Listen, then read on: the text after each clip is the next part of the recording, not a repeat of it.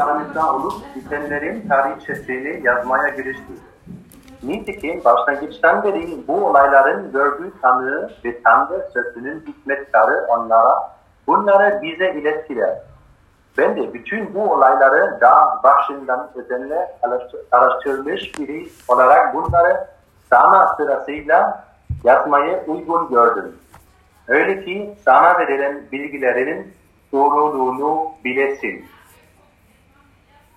Şimdi Luka 4 18'den 27'ye okuyorum. Bunlardan adı Kleopas olan ona Yeruşalim'de bulunup da bugünlerde ortada olup bitenleri bitmeyen tek yabancı sen misin diye karşılık verdi. İsa onlara hangi olup bitenleri dedi. Ona Nasıralı İsa ile ilgili olayları dediler. O adam Tanrı'nın ve bütün halkın önünde gerek söz, gerek eylemde güçlü bir peygamberdi. Başkahinlerle yöneticilerimiz onu ölüm cezasına çarptırmak için valiye teslim ederek Şam'a geldiler. Oysa biz onun İsrail'i kurtaracak kişi olduğunu umuştuk. Dahası var bu olayla olalı bir üç gün oldu ve aramızdan bazı kadınlar bizi şaşkına çevirdiler. Bu sabah erkenden mezara gittiklerinde onun çesinde bulunmamışlar. Sonra geldiler. Bir bölümde insanın yaşamakta olduğunu bildiren melekler gördüklerini söylediler. Bizimle birlikte onlardan bazıları mezara gitmiş ve durumu tam kadınların anlatmış olduğu gibi bulmuşlar. Ama onu görmemişler. İsa onlara sizi akılsızlar. Peygamberlerin bütün söylediklerine inanmakta ağır davranan kişiler. Mesih'in bu acıları çekmesi ve yüceliğine kavuşması gerekli değil mi dedi. Sonra Musa'nın ve bütün peygamberlerin yazılarından başlayarak kutsal yazıların hepsinde kendisiyle ilgili onları onlara açıkladı. Bu Tanrı'nın sesi. Teşekkürler Simon. Ee, herkese yeniden e, veyahut ilk defa e, hoş geldiniz e, pazar ibadetimize ve bugün güzel oldu. Michael ve Julie'ye çok teşekkürler. Emeklerinize sağlık. Bugün müzik sizdendi ve böyle biraz değişik şeyler yapmak bizim de ara sıra iyi bizi için de iyi geliyor. Evet biz Karantina serimizi bitirdik. Geçen pazar, Paskalya pazarı e, ve bugün yeni bir seriyle başlıyoruz. Ve öyle umuyoruz ki karantina da çabucana biter. yeni seriye başladık.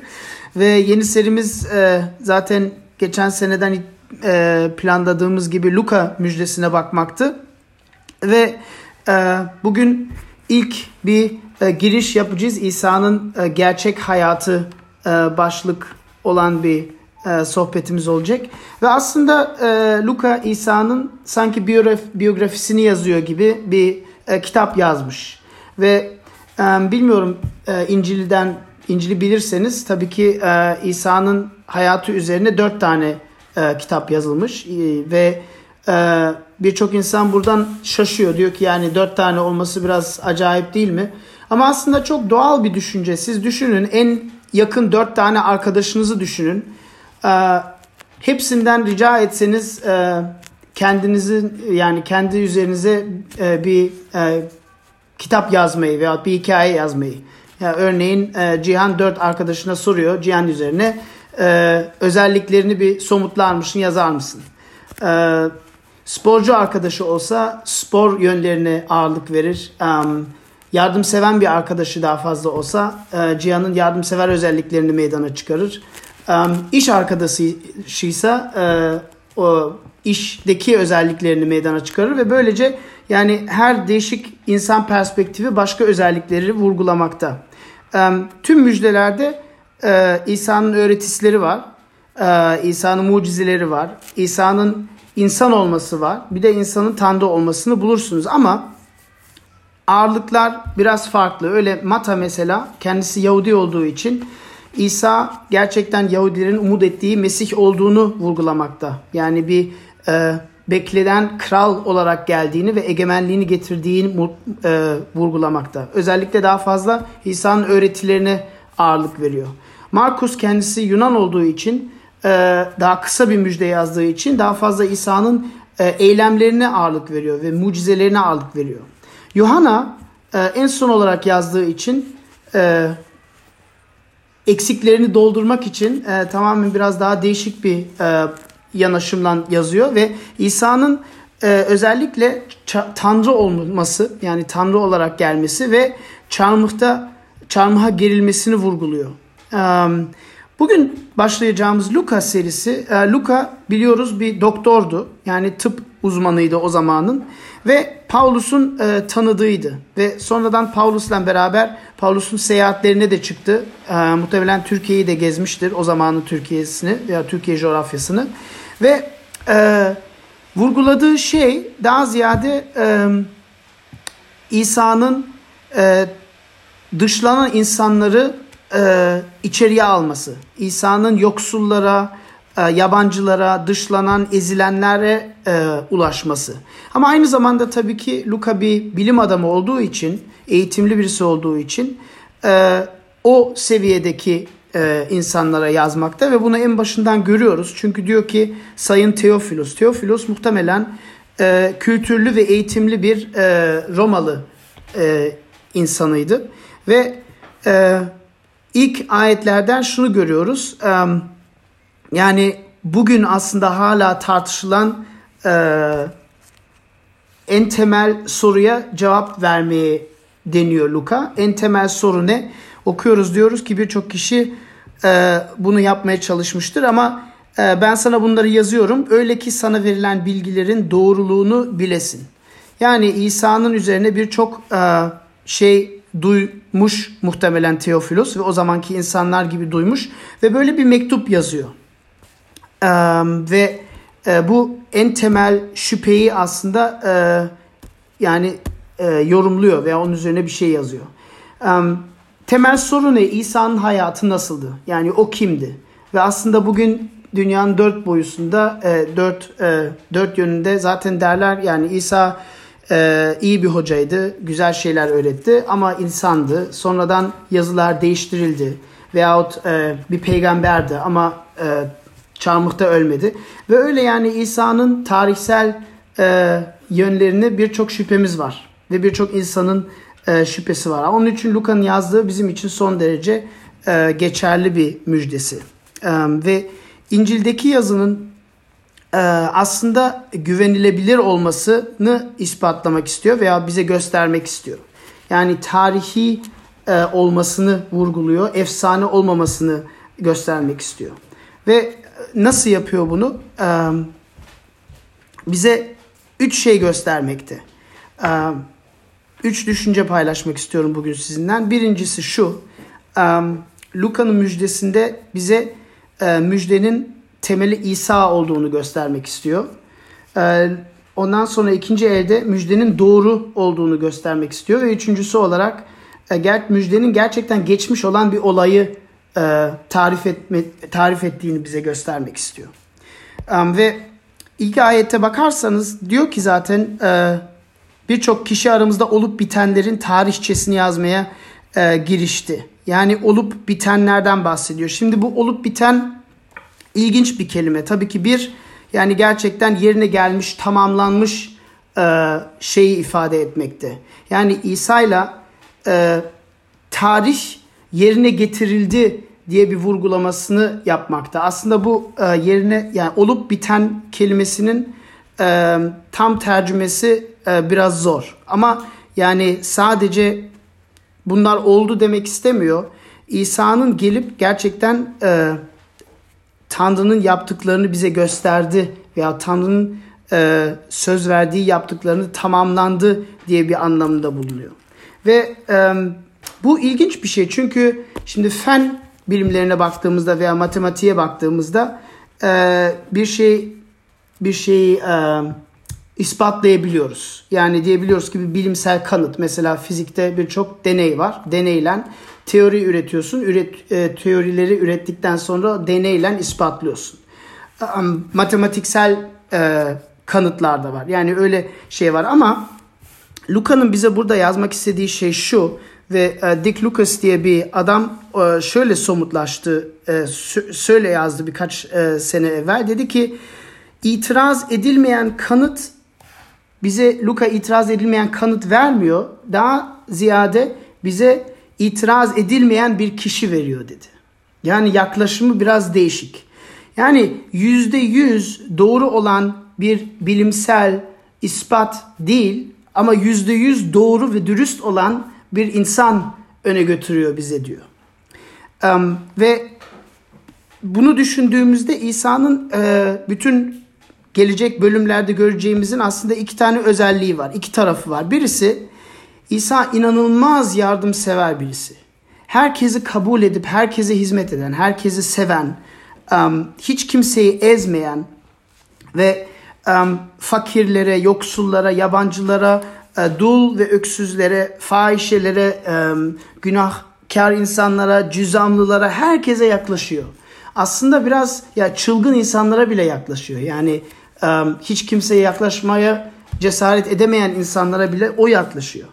Ve o zamanki insanlar için bu çok şok edici bir davranıştı. Çünkü o derecede o derecede hizmetkar ve insan severdi ki bütün etrafındaki insanları şok içine koymuş durumda.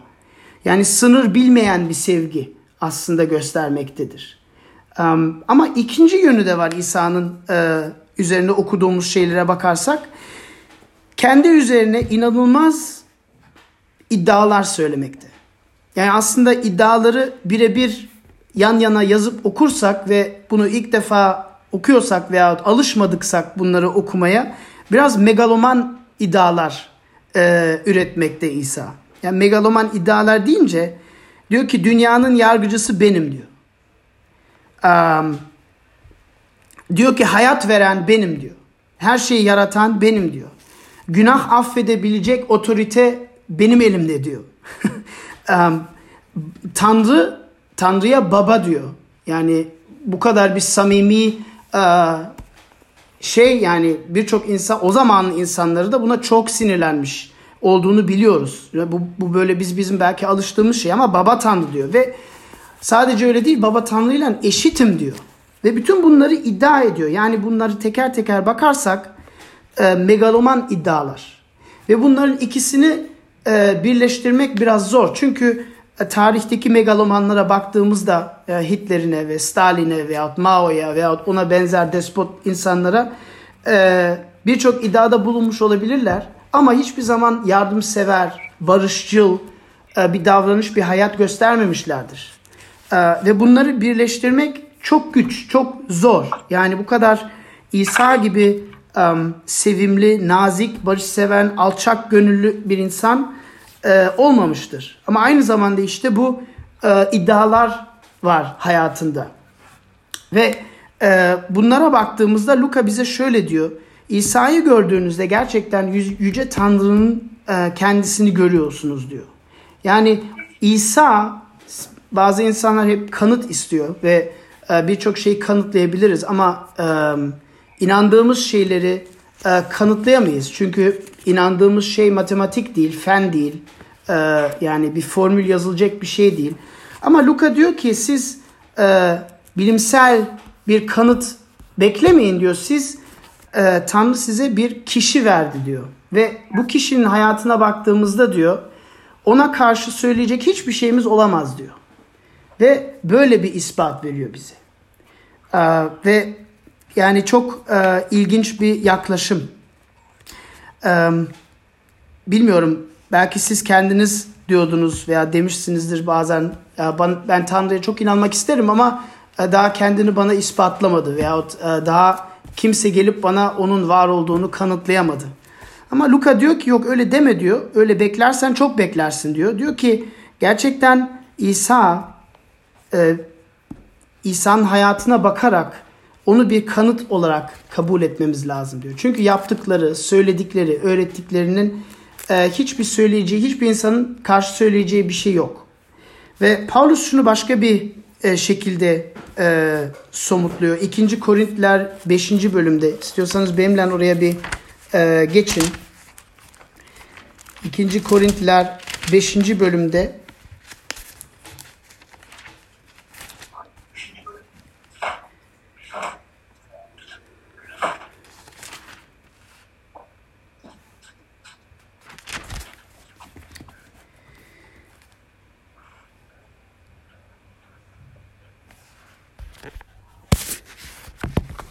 Diyor ki kendimizi ilan etmiyoruz. İsa Mesih'i ilan ediyoruz diyor. Ha, şimdi biz kendimizi 4. 2. Korintiler 4 5. ayette diyor ki biz kendimizi ilan etmiyoruz ama Mesih İsa'yı Rab kendimizi de İsa uğruna kulları kullarınız ilan ilan ediyoruz. Çünkü ışık karanlıktan parlayacak diyen Tanrı İsa Mesih'in yüzünde parlayan kendi yüceliğini tanımamızdan doğan ışığı bize vermek için yüreklerimizi aydınlattı. Bu birinci e, düşünce sizinle paylaşmak istediğim. Um, müjde, Luka'nın anlattığı e, İsa'nın hayatı, um, onun içinde bir, hay- bir ispat veya bir kanıt beklemeyin. Ama İsa'nın kendisine baktığımızda Tanrı'nın e, öne süren, öne sürdüğü kanıt ve ispat Tanrı'nın kendisidir. Yani bir kişidir.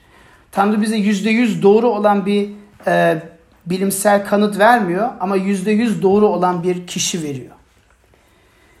İkinci düşüncesi e, şu, bu sadece bir hayat biyografisi değil, bu hayat biyografisi doğru olan bir biyografisi diyor.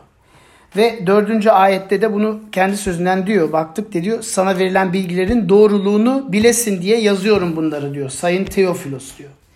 Um, ve İsa'nın gerçekten e, böyle gelmiş olan ve böyle yaşamış olan e, gerçeği vurgulamak istiyor burada. Ve bu e, yine de çok ilginç. Yani e, Luka diyor ki siz birçok şey duydunuz diyor ama bunlar efsane değil. Bunlar e, değiştirilmiş veya e, hayal edilmiş e, hikayeler değil diyor. Bunlar gerçekten doğru diyor. Yani gerçekten olmuş diyor. E, Luka e, burada yaygın olan inanca yöneliyor. Yani İncil'deki yazılanlara zaten güvenilmez. E, ya abartılmıştır ya sonradan değiştirilmiştir. İsa'nın tam olarak kim olduğunu yüzde yüz bilemeyiz. Ve e, bu yaz ya bu düşünceye karşı çıkıyor, karşı geliyor. Um, ikinci ve üçüncü ayda bakarsak bize üç şey sayıyor. Buna ve buna nasıl karşı geliyor? Diyor ki ilk olarak görgü tanıklarından bahsediyor.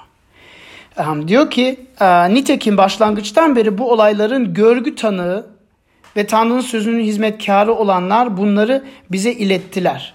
Yani kendi gözünden görüp kendi e, gözlerinden e, e, kendi kulaklarından duymuş insanları e, öne götürüyor. İkincisi diyor ki gördüklerini bize ilettiler diyor. E, ve buna birazdan e, daha detaylı gireceğim. Ve üçüncüsü olarak diyor ki ben bunların hepsini araştırıp toplayıp sıralayarak sana yazdım diyor. Yani iyice bir araştırma yapmış. Yani bir e, bilimsel araştırma gibi bir şey. Tamam ilkine başlayalım. E, görgü tanığı. Bakın İsa'nın yaptıkları gizlice bir köşede olmuş şeyler değil. Hatta elçilerin işinde öyle yazıyor. Yani bunların bunlar gizli bir köşede olmuş olan değil. Kamu oyunda olan şeyler diyor. Kamu oyunda derken e, binlerce kişi e, İsa'nın yaptıklarını gördü, duydu ve onun söylediklerini dinledi diyor. İsa'nın düşmanları dinledi, İsa'nın dostları dinledi, İsa'nın üzerine hiçbir fikir üretmeyen insanlar dinledi. Ama her halükarda birçok insan dinledi ve yani buradaki e, o iletmiş veya iletmek kelimesi Grekçesi paradosis biraz e, bugün okuyunca e, o e, bir e, teknik terim, o zamanın bir teknik terim olduğunu e, birçok zaman bilmiyoruz. Çünkü o zamanlarda kitap baskısı çünkü daha yoktu. E, o zaman da çok e, yaygın olan bir pratik e, duyulan, duyulan şeyleri e, kelime kelime ezberleyip e, bir nesilden öbür nesile öyle e, aktarma şeyiydi. Ve bilmiyorum biliyorsunuz belki eski ayetin bütün kitaplarını e, böyle yazdılar. Yani eski ayet zamanında yaşayan Yahudi e, Musa'nın ilk beş kitabını ezberliyordu. Kelime kelime ezberliyordu. Ve e, bu yazılara bugün baktığımızda ilginç olan şey hiç yani çok yüzde 99.9 gibi e, birbirine eşli, eşleşiyor. Yani hata falan yok. Ama işte söz ya yani bu paradosis iletim yani birisinin ezberliyor ondan sonra ben Silvia'ya anlatıyorum o ezberliyor o da başkasına anlatıyor o da ezberliyor ve böyle bu e, mesajlar çoğalıyor. Yani bu bir e, teknik terim. Ve bu ezberlediğimiz şeylere bir şey eklemek veya onlardan bir şey eksiltmek yasaktı. Yani bu teknik terimin e, içerdiği şey. Ve birinci ayda bakınca diyor ki birçok kişi e, aramızda olup bitenleri tarihçesini yazmaya girişti diyor. Yani Luka'dan başka birçok yazılar varmış. Birçok e, araştırıp yazılar varmış ve Luka bunları buradan e, öne götürüyor. Ve Luka hepsini alıp okuyup araştırıp sıraladığını vurguluyor. Ve böyle diyor ki böyle bir efsane olmaz diyor. Yani efsanenin özelliği bu değil. E, bu tarihsel geçmiş olan bir şey diyor. Ve Luka e, ve öbür e, müjde yazarları yani Markus, e, Mata ve Yohana onları okursak zaten efsane e, olmadıklarını görüyoruz. Yazım yazılış tarzından ve e, başka sebeplerden. İkin, e, nasıl görüyoruz? E, bir, çok erken yazılmış. Şimdi efsaneye bakarsak e, Kral Arthur efsanesi mesela e, ya, yaşadıysa Kral Arthur diye bir kişi o zaman 4. 5. 5. 6. yüzyılda yaşadığını tahmin ediliyor. Ama ilk tarihte adı geçmesi 400 sene sonra. Yani Kral Arthur'un 400 sene sonra veya Herkül veya um, Yunan mitolojisinde e, başka efsaneler. Ama e, bütün tarihçiler, bütün uzmanlar size bugün e, e, bunu söyleyecekler. Luka'nın bunları yazdığı zaman İsa'nın ölümünden 25-40 sene sonra. 25-40 sene sonra. Şimdi ben e, gidip bilmiyorum e, çocukluğumdaki bir şey anlatsam desem Hamburg'da 25 sene evvel e, bir adam e, bir gökdelenin üzerinden zıpladı ve uçtu. Hiçbir desteği yoktu, kanadı yoktu ama böyle uçtu desem beni tımarhaneye koyarlar. Neden? Çünkü o zamanki insanlar hala yaşıyor. Hamburg'da o zaman orada olan şeyleri ben öne sürersem o zaman orada yaşayan insanlar der ki öyle bir şey olmadı. Ee, biz olsaydı biz görürdük, duyardık. Ee, ve böylece bu iş biter. Ama kitaplara geçmez. Yani e, Luka'nın yazdıkları şey e, kamuoyunda olan şeyler ve görgü tanığı olan şeyler ve onun için efsane olamaz. Üç, başka bir sebep um, ve genelde şu bunun içine giriyor. Diyorlar ki ya tabi İncil'i Hristiyanlar yazdı. Yani bu müjdeyi Hristiyanlar yazdı ve onun için onlara güvenilmez. Çünkü istediği mesajı e, öne sürmek için yazdılar. E, İsa'yı insandı, Tanrı yaptılar gibi e, düşünceleri paylaşmak. Ama İsa'nın tüm yaptıkları e, bir şey unutuyoruz. Yani onun zamanındaki yaptıkları her şey insanın son derece kafa karıştırdı. Yani kabul edilmez şeyler yaptı. E, ve e, yani sanki böyle şeyleri yap, yapsaydı kabul edilir gibi bir e, düşünce yaratılıyor ama öyle değil. E, örnek vereyim size. İsa çarmıha gerilmeden ge- son gece e, öğrencilerinden e, Getsemane bahçesine gidiyor ve diyor ki e, Tanrım herhangi bir çözüm varsa benim çarmıha gitmememin herhangi bir yol varsa e, bir çıkış yolu varsa bana lütfen bana ver e, ben böyle ölmek istemiyorum diye duası yazılmıştır. Ya yani İsa'nın son derece zayıf yani ağladığını yazıyor. Zayıf bir itibar bırakıyor. Şimdi ben bunu kendi dinimi yaymak istesem, İsa'nın Tanrı olduğunu yaymak istesem İsa'yı böyle göstermem. Yani çok zayıf e, bir insanı gösteriyor. E, başka örnek, İsa'nın anne babası evli değildi. Bu o zamanki e, çağda çok büyük bir skandal. Yani çok büyük olumsuzluk. Yani e, ben bunu neden ekleyeyim? Yani İsa'yı insanlar bunu alıp o zaman reddederlerdi. Çünkü de ya bu annesi babası evli bile değildi ya bu nasıl bir peygamber olsun? yazılan şeyler son derece e, yani olumsuz bazı yönlerinden. Veyahut e, öğrencileri, 12 öğrencileri e, sonra havari oluyorlar. E, hepsi onu terk ediyor. Ve devamlı onun öğretmek istedikleri şeyleri anlamıyor. Son derece aptal bir itibar bırakıyorlar. Ben şimdi e, bu havariler olarak kendi dünya görüşümü yaymak istesem e, bilmiyorum siz bunu mutlaka biliyorsunuzdur. Bir şey yaşadınız. Kendi hay- kendi hayatınızda bir şey yaşadınız. Herkese anlatıyorsunuz. Kendi aptallığınızı anlatmazsınız. E, yani örneğin e, e, bilmiyorum Maria şimdi 1 Nisan'da bir şey paylaşmıştı. E, ben e, İzmir'e taşıdım diye. Ondan sonra e, Silvia ve ben okuduk şaştık. Allah Allah dedik ya hiç haber vermedi kızcağız neden gitti ne oldu bilmem ne. Ondan sonra meğerse Nisan fık- şakasıymış. Şimdi ben bunu anlatınca genelde ha ben de kandım diye anlatmam. Yok derim ya ben tabii ki biliyordum yani bunun e, gerçek olmadığını.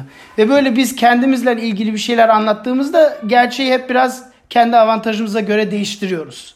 Ama buradaki yazılan şeyler o kadar e, öğrencileri o kadar rezil ediyor ki yani bunların yazmanın faydası yok. Yani faydası kimse anlatamaz bunun neden yazılmış olmasını. E, nitekim gerçekten olduysa tabii ki. Ve son e, sebep e, edebiyattan e, bir sebep. Yazılış tarzı efsane yazılış tarzı gibi değil. E, İsa e, yaşadığı şeyleri o kadar detay zenginlikte yazıyor ki mesela e, bir efsanede sadece yani hikayeyi öne süren detaylar e, söylenir. Mesela bilmiyorum ben bir e, den, gemiyle denize çıkıyordum. Yanımızda başka gemiler vardı. Çünkü sonra geldiler o gemiler bizi kurtardılar. Yani o gemilerin bir fonksiyonu olduğu için o gemileri anlatıyorum efsanede. Ama bu müjdelerde birçok detay yazılı. Örneğin e, Markus 4'e bakmıştık. İsa denize çıkmıştı ve İsa bir yastığın üzerinde yatıyor. Ya yastığın üzerinde yatması önemli mi ta hikaye için? Hayır önemsiz. Birçok başka gemi vardı. Bu gemiler önemli mi? Değil. Ama yine de anlatılıyor. Veya Yuhanna 21'de dirilişten sonra e, İsa öğrencilerine git e, balık tutun dedi. 153 tane balık tutmuşlar. Peki 153 tane balık olması önemli mi hikaye için? Tamamen önemsiz. Neden yazıyorlar o zaman? Böyle efsane olmaz. Ve e, edebiyat profesörleri şöyle dedi. Dediler ki yani 20-100 yılın e, literatür tarzlarını anlayan uzmanlar e, yani iki tane seçenek var dedi. Ya e, bir gece herhangi birisi bu yazış tarzını keşfedip tarihte hiç bilinmeden evvel ölünmüş veya bu gerçekten olmuş şeylerdi. Yani bu o kadar abartı çünkü böyle efsane yazılmıyordu. Luka müjdesinin sadece İsa'nın üzere olduğunu değil, e, müjdesini e, müjdesini yazmak istediği şey İsa son derece bu yazılan şeyler son derece güvenilir şeyler. Yani e, bunlar at, attığım bir şeyler değil, efsaneler değil.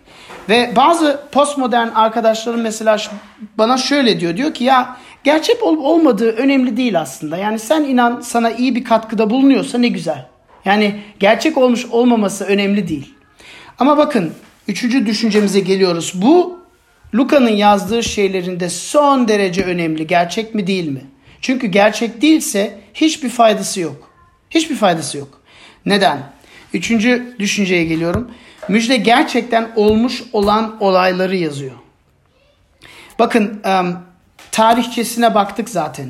Um, Luka burada İsa'nın öğretis, öğretilerini toplamıyor. Diyor ki ben size İsa'nın bütün öğrettiği, e, eğittiği şeyleri yazacağım demiyor. İsa'nın hayatını paylaşacağım diyor. Neden? Bu çok ilginç ve çok önemli bir şey. Bakın bütün başka dünya görüşlerinde genelde e, eğitimi veya öğretisi çok önemli. En önemlisi. Yani örneğin bu da geliyor. Diyor ki ben size aydınlamanın yolunu göstereceğim diyor. Meditasyon yapın diyor. Dört güzel gerçekler budur diyor ve sekiz adımlık aydınlamanın yolu budur diyor. Kendisinden bahsetmiyor. O kendisinin yaşadığı, ölmüş, ne olmuş, ne yaptığı hiç önemli değil. Çünkü bir bir fikir üretiyor. Veyahut Muhammed diyor ki ben size e, Tanrı'ya teslim olmanın yolunu öğreteceğim diyor. Yani e, öğretisi çok çok merkezi bir şey ama İsa'nın hayatında öğretisi değil, kendi hayatı gerçekten olmuş olması en önemlisi. Yani tam tersi. Şöyle diyeyim, bütün dünya görüşlerde senin ne yaptığın seni kurtarır veyahut rezil eder. Ama İsa'nın öğrettiği şeyde onun ne yaptığı seni ya kurtarır ya rezil eder. Yani bu bir gerçek değilse o zaman imanımız sıfır. Ama gerçekse o zaman emin olabiliriz ki e, hepimizi gerçekten kurtardı. Neden? Bakın um, öğretisine baktığımızda ve İsa birçok şey öğretiyor ve Luka bunları da sayıyor. Ama öğretisi e, ne baktığımızda öğretisi bizi teşvik etmiyor. Öğretisi bizi hatta yıkıyor. Ya çok yıkıcı, felaket bir öğretisi var. Bir um, başka bir profesör üniversitede bir deneme yaptı. Öğrencilere um, İsa'nın dağdaki vaazını okumaya e, okuma görevini verdi. Ve dedi ki ne düşünüyorsunuz bunun üzerinde dedi. Ve birçok öğrenci okudu. Analiz yazdı dedi ki e, ben İsa'nın dağdaki vaazını sevmiyorum, beğenmiyorum dedi. Neden beğenmiyorsun? Çünkü e, benim eksiklerimi meydana vuruyor dedi. İsa ne öğretiyor dağdaki vaazında? E, paranın çoğunu yoksullara ver demiyor. Sadece bunu demiyor. Diyor ki severek ver diyor. İsa e, insanları öldürme demiyor. İnsanların arkasında konuşma bile diyor. Onu insanların arkasından konuşup kötü laf edersen onları öldürdün anlamına geliyor diyor. İsa e, birisi sana kötülük yaparsa öç alma demiyor. Hayır diyor bütün düşmanları seveceksin ve yaptıklarını affedeceksin diyor. Ya bunlar bunlar teşvik edici öğretiler değil ki. Bunlar bizi mahveden öğretici, öğretisiler. Yani buna baktığımızda güzel bir şey bulmak imkansız. Um, ve öğrenciler de onu söylüyor. Ve bizi bunlar bize baktığımızda İsa'nın öğrettiklerine baktığımızda bizim iki tane iki tane şey yapıyor. iki şey yapıyor bizimle. En azından benimle. Birisi ben bunu okuduğumda diyorum ki ya böyle bir insanla dost olmak istiyorum. Ya böyle bir insanla veya böyle insan çevrelerle ben e, dost edinmek istiyorum. Neden? Çünkü çok güzel. Çok güzel. Ya dünyayı böyle bir yer olmasını umut ediyoruz. Yani insanın yazdıklarının hepsi mükemmel. Ama ikinci aşamada diyorum ki yapılması imkansız. Yani biraz gerçekçi olursak, hayatımıza bakarsak yapılması imkansız. Hiçbir insan bunu yerine getiremez. Ve sonuçta ne yaparım ben bunu İsa'nın öğretisiyle kurtulursam derim ki ya Tanrım beni bu öğretiden kurtar derim. Ya çünkü eksiklerimi açığa vuruyor. Son derece e, beni yani mahvediyor. Yani onun için Luka diyor ki öğretisi önemli diyor ama asıl önemli olan İsa'nın hayatı. Ve İsa'nın hayatı gerçek ve İsa'nın hayatı geç, gerçekten olmuş.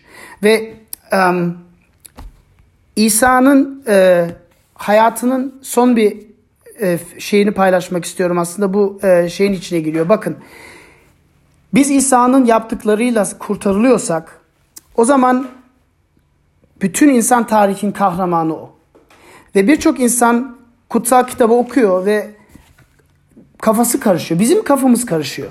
Neden? Çünkü diyor ve veya kendi hayatımıza bakıyoruz ve kendi hayatımıza baktığımızda kendi hayatımızın kahramanı kim? Genelde biziz.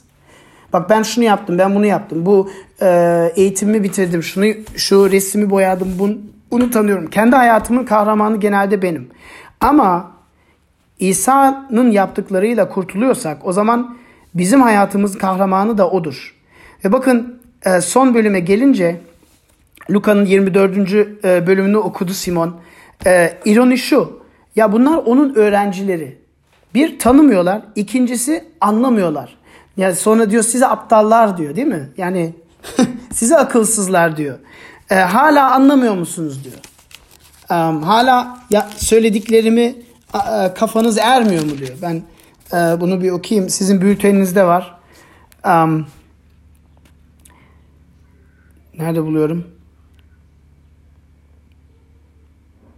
Sizi akılsızlar, peygamberlerin bütün söylediklerine inanmakta ağır davranan kişiler, Mesih'in bu acıları çekmesi ve yüceliğine kavuşması gerekli değil miydi? Ve sonra Musa'nın ve bütün peygamberlerin yazılarından başlayarak kutsal yazıların hepsinde kendisiyle ilgili olanları onlara açıkladı. Bakın kutsal kitabı okuyoruz. Mesela İbrahim'in hikayesini okuyoruz.